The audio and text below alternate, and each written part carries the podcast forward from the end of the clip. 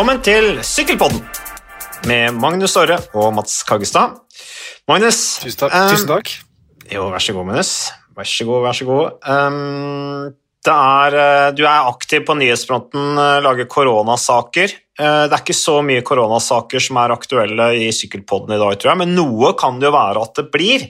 Men eh, vi kan jo bl.a. skilte i denne episoden med et eh, intervju eh, med høyaktuelle Tobias Foss, som jeg snakker med da fra flyplassen i Barcelona, hvor han jo da avbryter, måtte avbryte en treningssamling pga. covid-19. Så der tok ikke veldig mange minuttene før vi kom inn på covid-19 allikevel, hvis det i det hele tatt var ett minutt. Men der hadde du lyst til å si noe. Ja, det, det blir det deiligste når koronaen en eller annen gang er ferdig, og kunne slippe å snakke om korona med alle folk absolutt hele tida. Hjemme, på jobb, når du drikker med kompiser. Det er som alltid tiltak og drit og lort. Maken til kjedelig samtaletema. Jeg var jo i Grimstad i helga, vet du, Magnus, og da hadde, var det sånn, det er alltid en hyggelig sånn familieselskap. Og da, kom jo, da var det fire, i hvert fall fire generasjoner, hvis ikke det var fem. Eh, men eh, da, selvfølgelig, det vi ble snakket mest om, var jo korona. Så er det mye helseangst, selvfølgelig, ikke sant. Tenk om vi havner på sykehus. Tenk om man dør. Eh, så det var jo da jeg eh, igjen måtte snakke om det som jeg har fått litt kjeft av en, eh, en lytter på, at jeg trente med covid-19. Så Fikk du, fikk du kjeft for det? altså? Nei, Folk hisser jo opp på de rareste ting. ja, nei, men det var veldig hyggelig, konstruktiv tilbakemelding eh, som vi da har fått av en av de få følgerne, eller en av de få lytterne vi har, med at man skal være litt forsiktig med å trene med covid-19, og han viste da til anbefalinger fra helsemyndighetene. Men jeg tenker, sånn er det jo med alt. Altså, en lege anbefaler deg jo aldri å trene hvis du er syk. Altså, hvis du har en skade og du går til en hvilken som helst lege, så sier han at du skal ta det med ro. Ikke sant? Det er standard, men, men som idretts, tidligere idrettsutøver så, så, så tenker jeg jo ikke sånn. Jeg tenker at her er det om å gjøre å holde seg i gang. Og tommefingerregelen er har du ikke feber, så kan du trene. Jeg behandler, behandler covid-19 som hvilken som helst annen forkjølelse. Ja, det er klart at du og oss som ufaglærte medisinere, vi vet bedre enn de som jobber som det. Ja, ikke sant? Det, det er ingen grunn til å være ydmyk eh, på det. Men eh, det er klart, hadde du fått covid, Magnus, en dag så får du det du også, bare vent, så kommer du selvfølgelig til å ligge brakk i ukevis og følge alle regler til punkt og prikke. Så det er i hvert fall bra vi har noen som går foran som et godt eksempel. Men litt sånn nyheter, eh, Magnus. Eh, Mark Hirschi, 23 år gammel. Han eh, har jo også helseproblemer på sin måte. Han eh, har jo operert eh, hofta, eh, og dermed så blir det jo ikke noen oppfølging av Eller kan det se litt sånn tungt ut? Han hadde litt tung sesong i, i 2021, litt fordi han var på det laget han var på, men han ikke har den friheten. Han har jo tross alt en lagkamerat der som heter uh, Tadje Pogasjar, som han måtte hjelpe bl.a. i uh, Liège-Baston-Liège, hvor han jo ble nummer seks, uh, Hirschi, som gjør et bra resultat, men ikke minst i Tour de France. Men han får ikke noen sesongstart da før tidligst i mars, hvor han da, og han håper jo å kjøre Ardennes-klassikerne. Vi husker han vant uh, Flesh Vallon i 2020. Er det noe du har blitt veldig engasjert av den, uh, da du så den nyheten om den hofteoperasjonen, eller? Eh, Jeg registrerer jo at eh, ting butter imot for Mark Hirschi da, etter den ene fantastiske sesongen. Havner jo litt sant, til skyggen, som du sier, Pogacar og nå snart Almeida, som har fått samme trener som Pogacar, så da går det jo garantert enda fortere oppover med Almeida til våren. Eh, Så Hirschi, litt sånn spesiell type, som forlot DSM litt under ei sånn hva heter det norske uttrykket for å leave under a cloud? Altså du, du Litt sånn Mørk sky? Ikke helt ja, ikke helt enighet om Mistenksomhetens lys. Ja, det ble jo hinta litt om at det var noe eh, Noen holdninger til antidoping som var problematisk og noe sånt. Så mm, litt spent på hvor han eh, tar veien i karrieren sin. For det fins jo nok folk som er veldig gode tidlig, men som eh, detter av litt etter hvert. da. Ja. Uh, Mark Hirschi også, som uh, jo vant Flesh Ballon i 2020. Det var ikke det første året hans som uh, proff. Han var bare 20, 22 år gammel da, og var altså den første, da var han den første debutanten da, i rittet til å vinne siden Michele Dancelli i 1966. Dancelli som du jo vet en del om, Magnus. Nei, det er ikke, men han hadde jo et Michel Dancelli hadde jo De som er veldig gamle, vil huske sykkelmerket. Han hadde jo egne sånne eh, rammer, som alle italienske syklister. Men han hadde jo et veldig uheldig kallenavn, Dancelli, som kom fra jeg tror Brescia, oppe i Lombardia i nord. Han ble kalt Ugla, for han hadde så Øynene hans var så mm, lite pene. Han Eh, hadde med lange sånn, øyebryn, eller? Nei, det var et eller annet at øyet sto sånn ut, da, så han så seg ugle. Eh, Følte seg uglesett. wow! Eh, fantastisk syklist. Dancelli som sykla på 60- og 70-tallet, som var en sånn her eh, Litt i skyggen av Felice Gemondi og Gianni Motta. Rudi Men, eh, ja, men tenkte, tenkte på i skyggen av italienske ja, da. sånn, men ja. Mm. Men eh, talentfull syklist som da så var murer i ung alder, ble kalt Ugla. da. Mm. Så vet du det.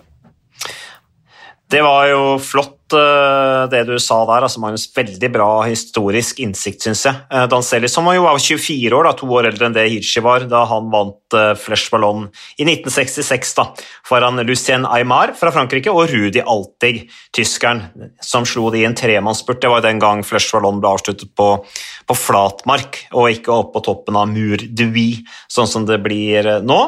Men sier jo da etter suksessen godeste Hirschi at han vil fokusere på mye av det samme, og den hofteskada hans er rett og slett uh, Den handler om at det er så trangt, rett og slett, rundt uh, i høyre hofte at de har rett og slett skrapt av en del av hoftebeinet, så skal på en måte bli mer bevegelse da, i, i hofta. Så det er jo interessant. Det skal bli spennende å se hvordan uh, det fungerer i, når han kommer i gang igjen med syklinga. Men du, ellers litt sånn storpolitikk, Magnus. Astana. Team Astana de er litt sånn i trøbbel, føler jeg igjen. Nå med eh, disse politiske urolighetene i Kasjokstan. Eller nå er det ikke Astana lenger, nå heter det egentlig Nord-Sultan. nå. Astana, eh, byen, hovedstaden, som jo er bytta navn i 2019 da, til Nord-Sultan.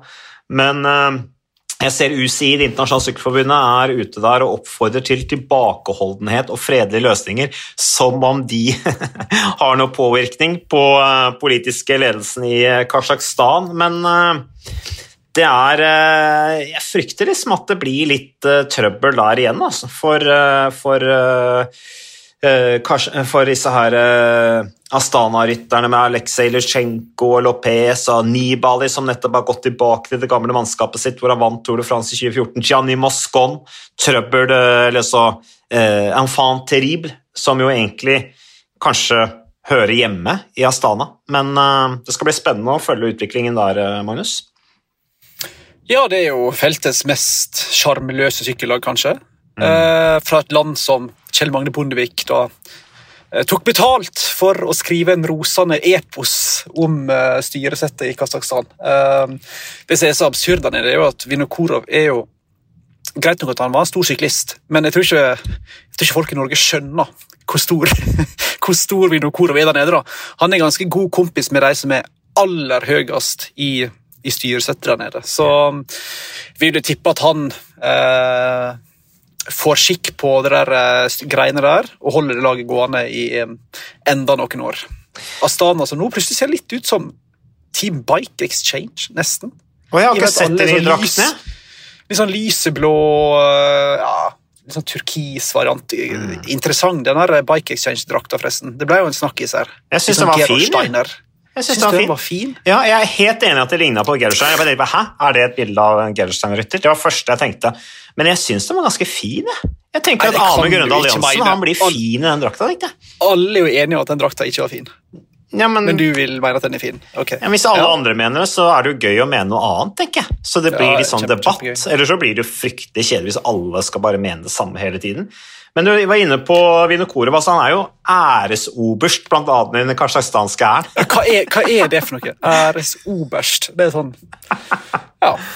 Ja, og han har vært faktisk en del av parlamentsvalget i Kasjokstan altså, for eh, noen år siden, så han har vært og leflet litt med politikken i, i landet, godeste Vinokurov.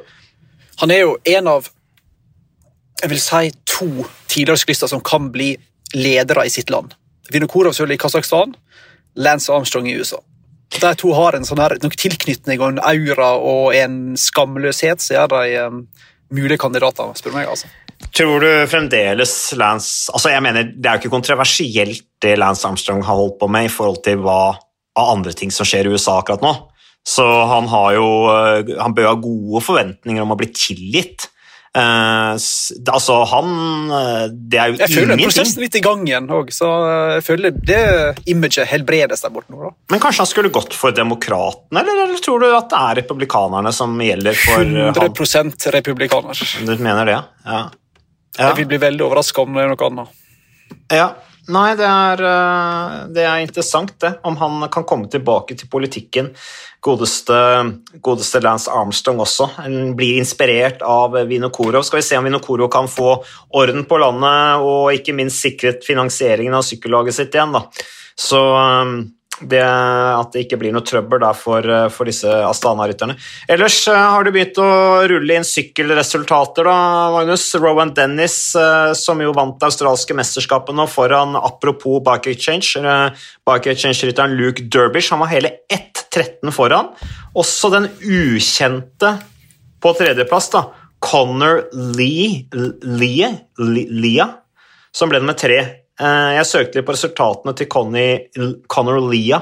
Han har vel ikke kjørt noe ritt utenfor Australia, men han ble nummer to da, i det australske U23-mesterskapet i fjor. Så han er åpenbart en god temporytter. Men det som er mest gøy med Rowan Dennis, det er jo det at han skyter fra hofta nå i en sånn presseprat med på Jumbo Visma sin lagpresentasjon. Og det er noe som sier meg at pressesjef til Jumbo Visma ble litt sånn svett i panna når Rowan Dennis begynte å uttale seg på denne videoen. Der har du liksom Rowan Dennis. Han kan ikke annet enn å elske den mannen, da. Med nyhetene han skaper. Var han, var han så drøy da, i kommentarene sine? Nei, men han sa jeg tror, jo Jeg tror du må utdype hva han sa, sånn at folk henger med. Ja da, jeg skal gjøre det. jeg skal gjøre det. Men uh, Ineos, det Rowan Dennis sa, var jo det at uh, han ville kjøre for Jumbo Visma fordi i Ineos så følte han at de, de bare så til Jumbo Visma, og de kopierte Jumbo Visma. Uh, og da tenker jeg da er det jo mye bedre å bare gå over til den andre sida av gjerdet og bli en del av det laget, istedenfor å stå igjen i det laget som ser over på, uh, på det andre laget, eller på andre sida av gjerdet hvor, hvor, gresset er grønnere. var vel litt av budskapet til Rowan Dennis. Han mener jo at Jumbo Visma er teknisk sett et bedre lag enn Ineos og at Jumbo Visma er i dag det ledende laget hva gjelder utvikling. Dennis som for øvrig har vært en del av den organisasjonen i 2011 da han var i Rabobank sitt utviklingslag. Sikkert utviklet seg en del siden det, da, men allikevel. Men ja, spørs om Injos er så glad for å se det. De blir jo litt trigga av det, kanskje? tenker Såpass takhøyde må vi ha, må ikke vi det? da? I ei uke der vi har snakka om uh, forfang som uh, spydig mot Johaug og takhøyde i norsk idrett. Innafor å si, si det der, da, tenker jeg. Han har sagt drøyere ting før. Ja da, han har det. Men han er frittalende, da. Det er jo det som er litt gøy. Og jeg er helt enig, det er ikke spesielt kontroversielt, det er ikke det, men det er uvanlig allikevel av en rytter å gå ut såpass offensivt og på en måte sammenligne gamlelaget sitt, som jo går for å være top notch, og dette her med 1% som er en verdi sant, i forhold til at uh, man ser på disse marginal gains osv., så, videre, så tenker jeg at det er litt uh, det er, vel, det er vel, ikke en, en kommentar som uh, Ineos uh, liker. Nei, nei, nei, er du gal. Spesielt med tanke på at de sikkert ser på det sånn at de på en måte redder Rowan Dennis litt. Når han står uten lag der og på en måte henter han inn i siste liten etter alt det røret med Bahrain McLaren, heter det vel da. Mm. Så var det kanskje ikke den mest takknemlige kommentaren, da. Det skal jeg gi deg. Nei, det, det, var det ikke. Så han er offensiv, Rowan Dennis. Men starter jo sesongen da, med seier i det australske mesterskapet. Et ritt han for øvrig har vunnet Det var fjerde gang han ble australsk mester i tempo, så han er i rute, godeste Rowan Dennis. Men apropos Jumbo Visma. Jeg nevnte det at jeg har snakket med Tobias Foss, så vi kan jo høre hva han sa på flyplassen i Barcelona. Tobias Foss, du er på flyplassen i Barcelona på, på, vei hjem, men denne uka her så er du jo høyaktuell i sportsnyhetene med det som blir sagt om lagoppstillinger både til det ene og det andre rittet, men du skal dele kapteinsrollen med Tom de Melin i Italia rundt. Og hva tenker du om hvilken endring det er i forhold til når du startet giroen i fjor, med, da du hadde George Bennett som tiltenkt kaptein?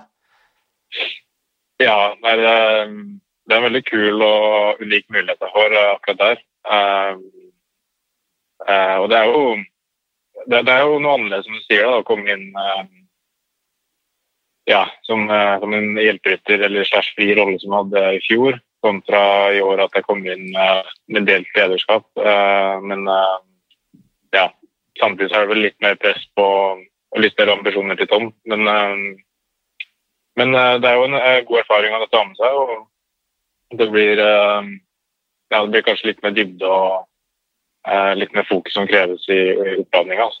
Men, men, igjen, jeg skal ikke gjøre noe annerledes enn det jeg gjorde i år eller i fjor. så jeg ser på egentlig som en kjempekul mulighet til å kunne lære mye. Og, og det er noe helt annet å gå inn i en Grand Tour som en tiltenkt leder enn en, eh, en som bare skal ja, egentlig, egentlig, bare gjøre en god hjelperytterjobb. Så, så det blir spennende å se. Det er jo litt mer press, Tobias, men uh, har, hva tenker du om det, og hva har laget sagt om, om det? Akkurat det som har med med press å gjøre. Det er jo mange som på en måte ikke tar det så bra når de kommer i en sånn rolle hvor de på en måte får muligheten. Ja, det er sant. Ehm, men jeg føler du sier noe ganske viktig på slutten her med mulighet. At eh, man kan, man kan enten fokusere på presset det gir seg, eller så kan man fokusere på mulighetene det gir. og ehm, ja, Det å bare være proffsyklist i utgangspunktet er sinnssykt mye press rundt. Eh, og Har man fokus på det, så kan det være kjett og, og tungt. men men igjen, da har man fokus på, på, på mulighetene de gir meg. Eh, både det å være proffsyklist i utgangspunktet, men, eh, men, også nå i, i giroen. Så det er jo en helt sjuk mulighet som veldig veldig få andre får lov å oppleve. Mm. Så eh, jeg må egentlig jeg skal, jeg skal ta den med begge hendene og være veldig takknemlig og glad for at jeg får muligheten. Eh, og så er det jo egentlig bare kult. Eh, og det er ikke noe sånn at Ja, som sagt, jeg har vært en gang topp ti nå. Um, det var ingen som forventa at jeg skulle starte på podiet. Det er et uh, Ja. Jeg føler uh, forventningene er i samsvar med hva som er realistisk. Så, så jeg, jeg til ikke over for mye. Så det, det, er egentlig bare en kjempekul mulighet. akkurat det der. Mm. Eh, Tom Dumoulin er jo en, en fantastisk sykkelrytter med utrolige meritter.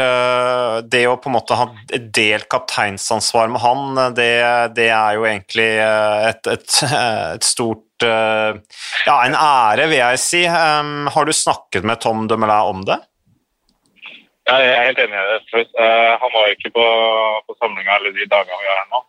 For han hadde også vært i nærkontakt med noen. Men, men vi går veldig godt overens på privaten og, og vil si veldig gode kollegaer. Så det, ja, han, han er en kar jeg kan lære mye av, og jeg vet at vi ja, uansett hvordan situasjonen skulle være, så, så klarer vi alltid å, eh, gjøre vårt beste og, og tilpasse oss eh, hverandre. Så det, det, er som du sier, det er en, det er en kjempestor sykkelrytter, så det å få likestilt eh, eh, rolle som han, det, det er kjempesvært og, noe som er veldig gøy.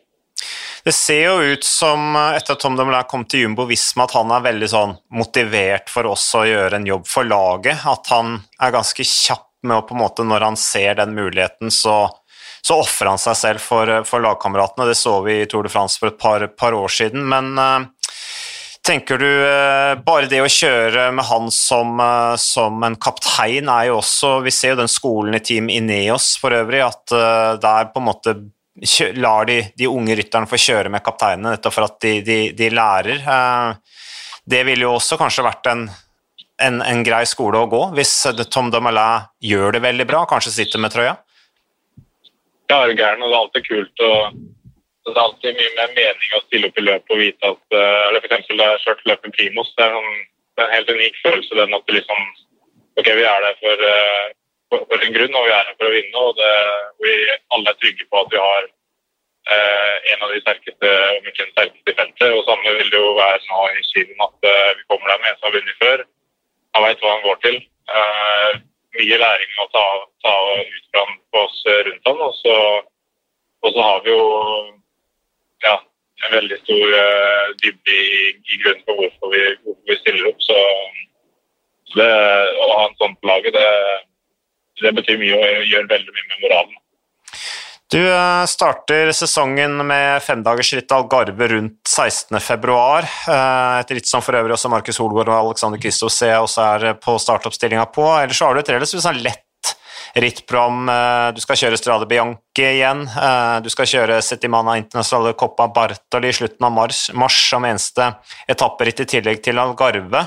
Ingen ritt i april, og så starter da giroen 6. mai i Budapest med tre etapper der i Ungarn. Hva er det dere har lagt vekt på i eh, oppkjøringen til, til giro? Ja, eh, nå, nå, takler jeg ganske greit å, eh, og dra rett fra høyde til løp. Eh, og, og, jeg vil påstå at det i hvert fall mitt er beste oppladninga. Eh, du får ro, du får trent godt, bygd et bra grunnlag som du trenger da, i løpet av de tre ukene. Så ja, noen vil nok si at det er lite løp, men nå er det en lang sesong òg. Mm. og det, den oppladninga er mer enn godt nok for den fokusperioden som skal være nå fram til etter kiloen. Og så, så vet jeg at det vil, vil komme noe hele det, og jeg er ganske jeg er 100 trygg på at jeg kommer til å være veldig nærme, om ikke i min livsform, da, i, i, i kiloen i år. Så det, det har jeg trua på. Mm. Hvor i høyden er det du skal, eh, hvor lenge skal du være i høyden i forkant, Tobias? Eh, så Jeg bor nå i Andorra da, på rundt 1550 meter. Eh, så det er her jeg skal være nå fram til Algarve. og så i april så drar vi til, til Teide på Tenerife og, og, bor der i tre uker. Så det, det trives jeg godt, både i Andorra og på Teide. Så det, det tror jeg blir veldig, veldig bra opplag. Hvor høyt bor du eh, i Andorra? Jeg bor på ca. 15 500. Ja. Eh, så det er ikke, det er ikke ren høyde, men, eh, men, jeg, men, jeg merker fortsatt effekten av det. Så, så det er egentlig en fin, fin mellomhøyde. Mm. Hva med, med, et vellykket Italia rundt da, forhåpentligvis, vi, vi krysser fingrene for det. Hva, hva da med resten av, av sesongen? Ja, jeg kan ikke si alt altfor mye om akkurat det per dags dato. Men men, eh, men sånn, hvis sesongen er bygd opp, så, så blir giroen hovedmål på, på starten. Jeg eh, må selvfølgelig se hvordan jeg kommer ut av det. Men, eh, men har veldig lyst til at ja, hvis alt er i vater og, og kropp og hue fungerer etter giroen, så har jeg veldig lyst til å sykle NM. Uh, prøve å i hvert fall forsvare tempotrøya, og så får vi se om uh, landeveien er mulig. Uh, og, så, og så blir det egentlig etter giroen å ta seg en god pause, og så, og så ha andre fokus på Eller andre del av sesongen som fokus. Uh, uh, men også noen, et par kule og store mål. Så det, det blir på en måte delt i to. Fullt fokus nå fram til giroen, og så liten pust i bakken. Og så, og så siste, siste bit med full gass fram til sesongen er ferdig. Du hadde jo relativt god erfaring med å komme rett fra giroen til NM i, i, fjor. Da fløy det jo gjennom og lekte deg jo formelig, så, så, det gir jo en god, god effekt det der å få et treukersritt, komme ut av det i bra form. Men til slutt, uh, Tobias. Du får jo Johannes Staune Mitte som lagkamerat eh, fra utviklingslaget til Jumbo Visma fra 2024. Han kommer sikkert til å begynne å kjøre litt i World Tour-laget fra 2023 i hvert fall. Og så får du også mm. Per Strand Hagenes inn på utviklingslaget, verdensmesteren vår. Eh, og Visma er et stort norsk selskap som er i ryggen på laget. Er det, tenk, er det liksom litt er det fordel å være nordmann i Jumbo Visma med Visma inne som, som stor sponsor? Er det sånn at de følger litt ekstra med på på norske ryttere? Ja, nei, altså, jeg tror uh, man sin rolle i laget er altså, De har vært tydelige på at de er jo egentlig ikke her for å, for å gå inn i norske markedet, for det er store fra før av. Så men selvfølgelig det at, uh, at jeg vant NM og at vi har mange gode norske ryttere, det, det, det, er veldig, veldig pluss i boka. og Det er, det er noe sponsorene elsker, men uh, det er ikke det som er prioriteringa. men, men jeg føler at vi nordmenn har fått på oss et veldig bra rykte. og og er du nordmann som ja, begynner å vise potensialet, så får folk veldig trua på at vi er, vi er stort sett eh, ydmyke, ålreite personer som er ganske hardtarbeidende, som er villige til å gjøre, jobben. Så, det, så ryktet seg sjøl på nordmenn er, er, veldig veldig bra i laget, helt, helt uavhengig av, av sponsor, egentlig.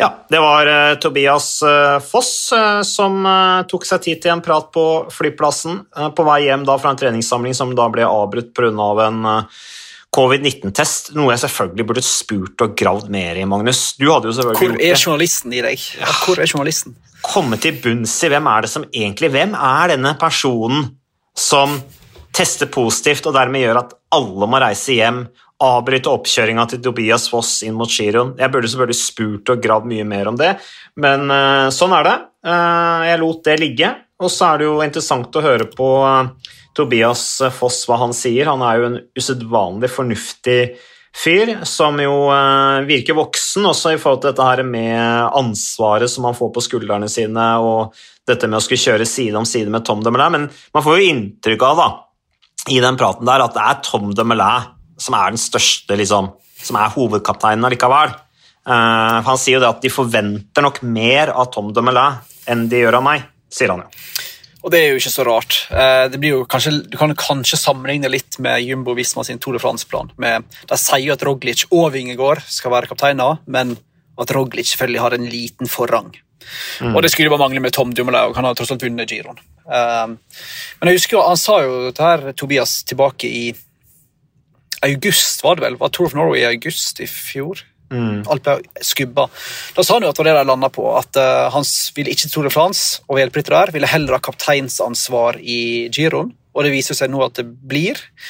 Så det er jo gull, da. Det er ikke ofte vi har um, altså Det er ikke ofte vi har nordmenn som er sammenlagt kapteiner, eller iallfall beskytta i sammendraget i en Grand Tour for et av verdens topp tre sykkellag. Nei. Da har du kommet ganske langt i karriere allerede, tenker jeg. da. Så det, blir, eh, det blir heftig. Og nei, vi kan ikke kjøpe rettighetene til Giroen. Jeg ser mange som spør. Ja, er det ikke Vi deilig gjerne, skulle, skulle, skulle gjerne hatt det, men uh, da må folk donere litt penger til oss, så valgskolen skulle jeg prøve på nytt. Men eh, Ja, vi vi trenger får mer penger. ikke vist det år, dessverre. Det er dyrt med rettigheter, altså. utrolig nok, men det koster penger. Det gjør det. Men dødskult at Tobias uh, får lov til å sykle for egne muligheter. i hvert fall. Eh, og det er jo ingen læremester som er bedre for han enn Tom Dumoulin som ryttertype, i alle fall. Og som personlighetsmessig, vil jeg også tro. Begge er jo fornuftige, rolige, snille gutter. Er det ikke litt sånn, jeg tenker, Nå kjenner ikke jeg Tom Dumoulin i det hele tatt utover de intervjuene jeg har sett han, Eh, men, har, men man har jo fulgt litt med på han, ikke sant? Og de har jo én ting felles, Tom Dumoulin, eller flere ting sikkert felles, Tom Dumoulin og Tobias Foss, annet dette at begge har slitt litt med motivasjonen. da. De har sikkert stilt seg som noen sånne eksistensielle spørsmål i løpet av karrieren. liksom, Hvorfor driver jeg med dette her, liksom? Eh, jeg tror begge de to er kloke, reflekterte eh, karer eh, som jeg er helt sikker på at kan ha god kjemi. Um, så det skal bli spennende å se hvordan de jobber sammen. Det sier jo også Tobias Foss at de har bra kjemi, kommer godt overens. Så det skal bli veldig spennende å se på, på hvordan det utvikler seg. Det Hva tror du er mulig for han med tanke på den ruta da i gjør? Jeg tror jo at en ny topp ti-plassering er innafor rekkevidde, og jeg tror på, det vil jo være en, eh, en eh, bekreftelse eh, på, på, på hans talent, og ikke minst hans potensial også. Eh, Jeg, jeg tror fremdeles at det er litt for mye å forvente pallen for Tobias Foss, men en ny topp ti-plassering tror jeg vil være en bekreftelse, som vil være veldig bra å ha i forhold til å, å utvikle seg videre. Da. Eh, Men litt mer tid tror jeg han trenger for å liksom kjempe helt i toppen. Så, men det vil Og kanskje være litt flere tempo, tempokilometer, kanskje. Det er ikke så mange tempoer i, i årets Giro, dessverre, for Tobias. han er en veldig god temporytter, så sånn sett er han jo en veldig komplett rytter også, som absolutt har eh, potensialet til å bli en, en, en treukers eh, rytter. Så, så det blir spennende å se hvordan det blir. Ellers så har det jo vært, eh, Jeg nevnte at det var det australske mesterskapet med Rowan Dennis som vant eliteklassen for herrer. Grace Brown eh, vant jo temporittet for, eh, for kvinnene. Hun er jo lagvenninne med Stine Borgli da i FDJ. Og så har du Carter Turnbull, som vant U23-mesterskapet i tempo. Um, så andre sykkelresultater har jo faktisk begynt å komme litt sykkelresultater. Altså Den meget sterke banerytteren fra New Zealand, Mark Stewart, vant New Zealand Cycle Classic sammenlagt. Og så har vi jo kanskje et av de mest spennende resultatene denne uka her, Magnus, det er jo at Mohammed Sanim Fit Fitri Halim Abd vant det nasjonale landeveismesterskapet i Malaysia foran Mohammed Fahim Rashin Sanini Moha- Mohammad og Mohammed Shukri Jimmy mot Jimmy, som ble nummer tre da i det malaysiske mesterskapet. Um, Jeg fikk ikke med meg de topp tre. Kan du ta det en gang til? eller? Jeg sa det jo der, men uh, så, så det Men de når, de når ikke opp på han den, med det beste navnet i sykkelsporten. da. Det må jo være han der fra um, Thailand, han um, Turakit Bun Bon Ratanatananatananakorn. Ja, han, uh, han er spennende, han òg, altså. Jeg, Ja, jeg, jeg er ganske glad jeg ikke har kommentert så veldig mange sykkelløp hvor han deltar, for å si sånn. Turakit Bon det. Men du har det jo. Du, du, Den, den er øvd på. du, men blir han worldtour-rytter, så har jo du definitivt et, uh, et, et forsprang der, da. En Ja, dukker, plutselig opp hos EF eller et eller annet lag som trenger et uh, asiatisk alibi. Ja, ja, ja. Du skal se det at han har appell, da. Bare vent. Ellers er det jo sykkelcrossritt i helga. da. Jeg skal faktisk kommentere sykkelcrossritt som går nå til helgen i eh, Vlamanville i, i Frankrike. Eh, Og da gjenstår det bare worldcupen i Hogerheide, da. 16. januar, altså helgen etter. Før det er VM da i sykkelcross da 28. til 30. januar i USA. Ritt som vi sender på TV2 Sport, og vi snakket jo litt om det forrige uke i Sykkelpodden, Magnus, at der seiler, ser det ut som Tom Pidcock seiler opp som eh, favoritt, da. Eh, Sammen med Tone Ertz og Eli Iserbyt og Michael van Torenot og hvem det måtte være. Lars van der Haar fra Nederland eventuelt, som, eh, som kan være med og kjempe i toppen der. Så er det noe du vil snakke om da, eller før vi eh, skal reise opp eller hjem og spise middag? Hva skal du ha til middag i dag, forresten? Jeg er jo hjemme alene om dagen i og med at uh, min samboer er i Sierra Nevada sammen med en haug med syklister på høydetrening. Ja. Der ble det faktisk observert Hun sendte en snap i stad av disse forferdelige nye draktene til Bike Exchange. Mm. Da ute og sykla i gruppe på 2400 meters høyde. I full mundur. Nei, hva heter det? De sang og tralla Å, ja. i fjellsida der. Så det var ikke noen slitne folk. Der var det um, allsang på vei opp på 2350 meter oppe i Sierra Nevada. Allsang i høyden, ja. Ja, ja. Så der er det KFUS-ryttere og masse annet. Nei, øh, men spørsmålet er, jeg har ikke planlagt middag. Det blir ofte på sparket når du er alene. Så ah.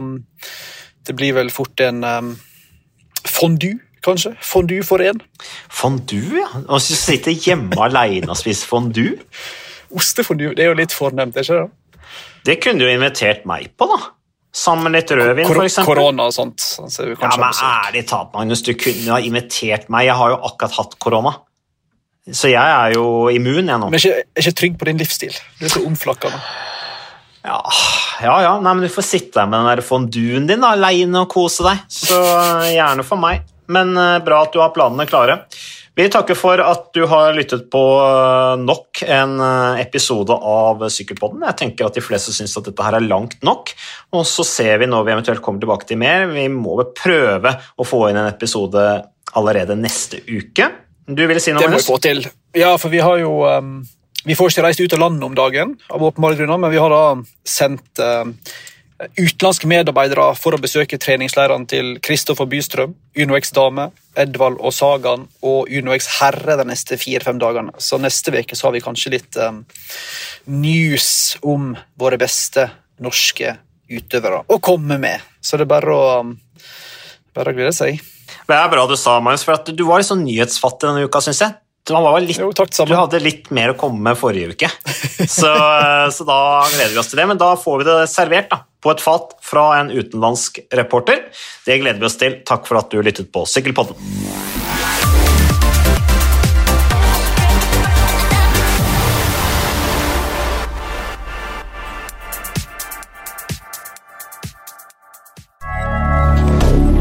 Moderne media.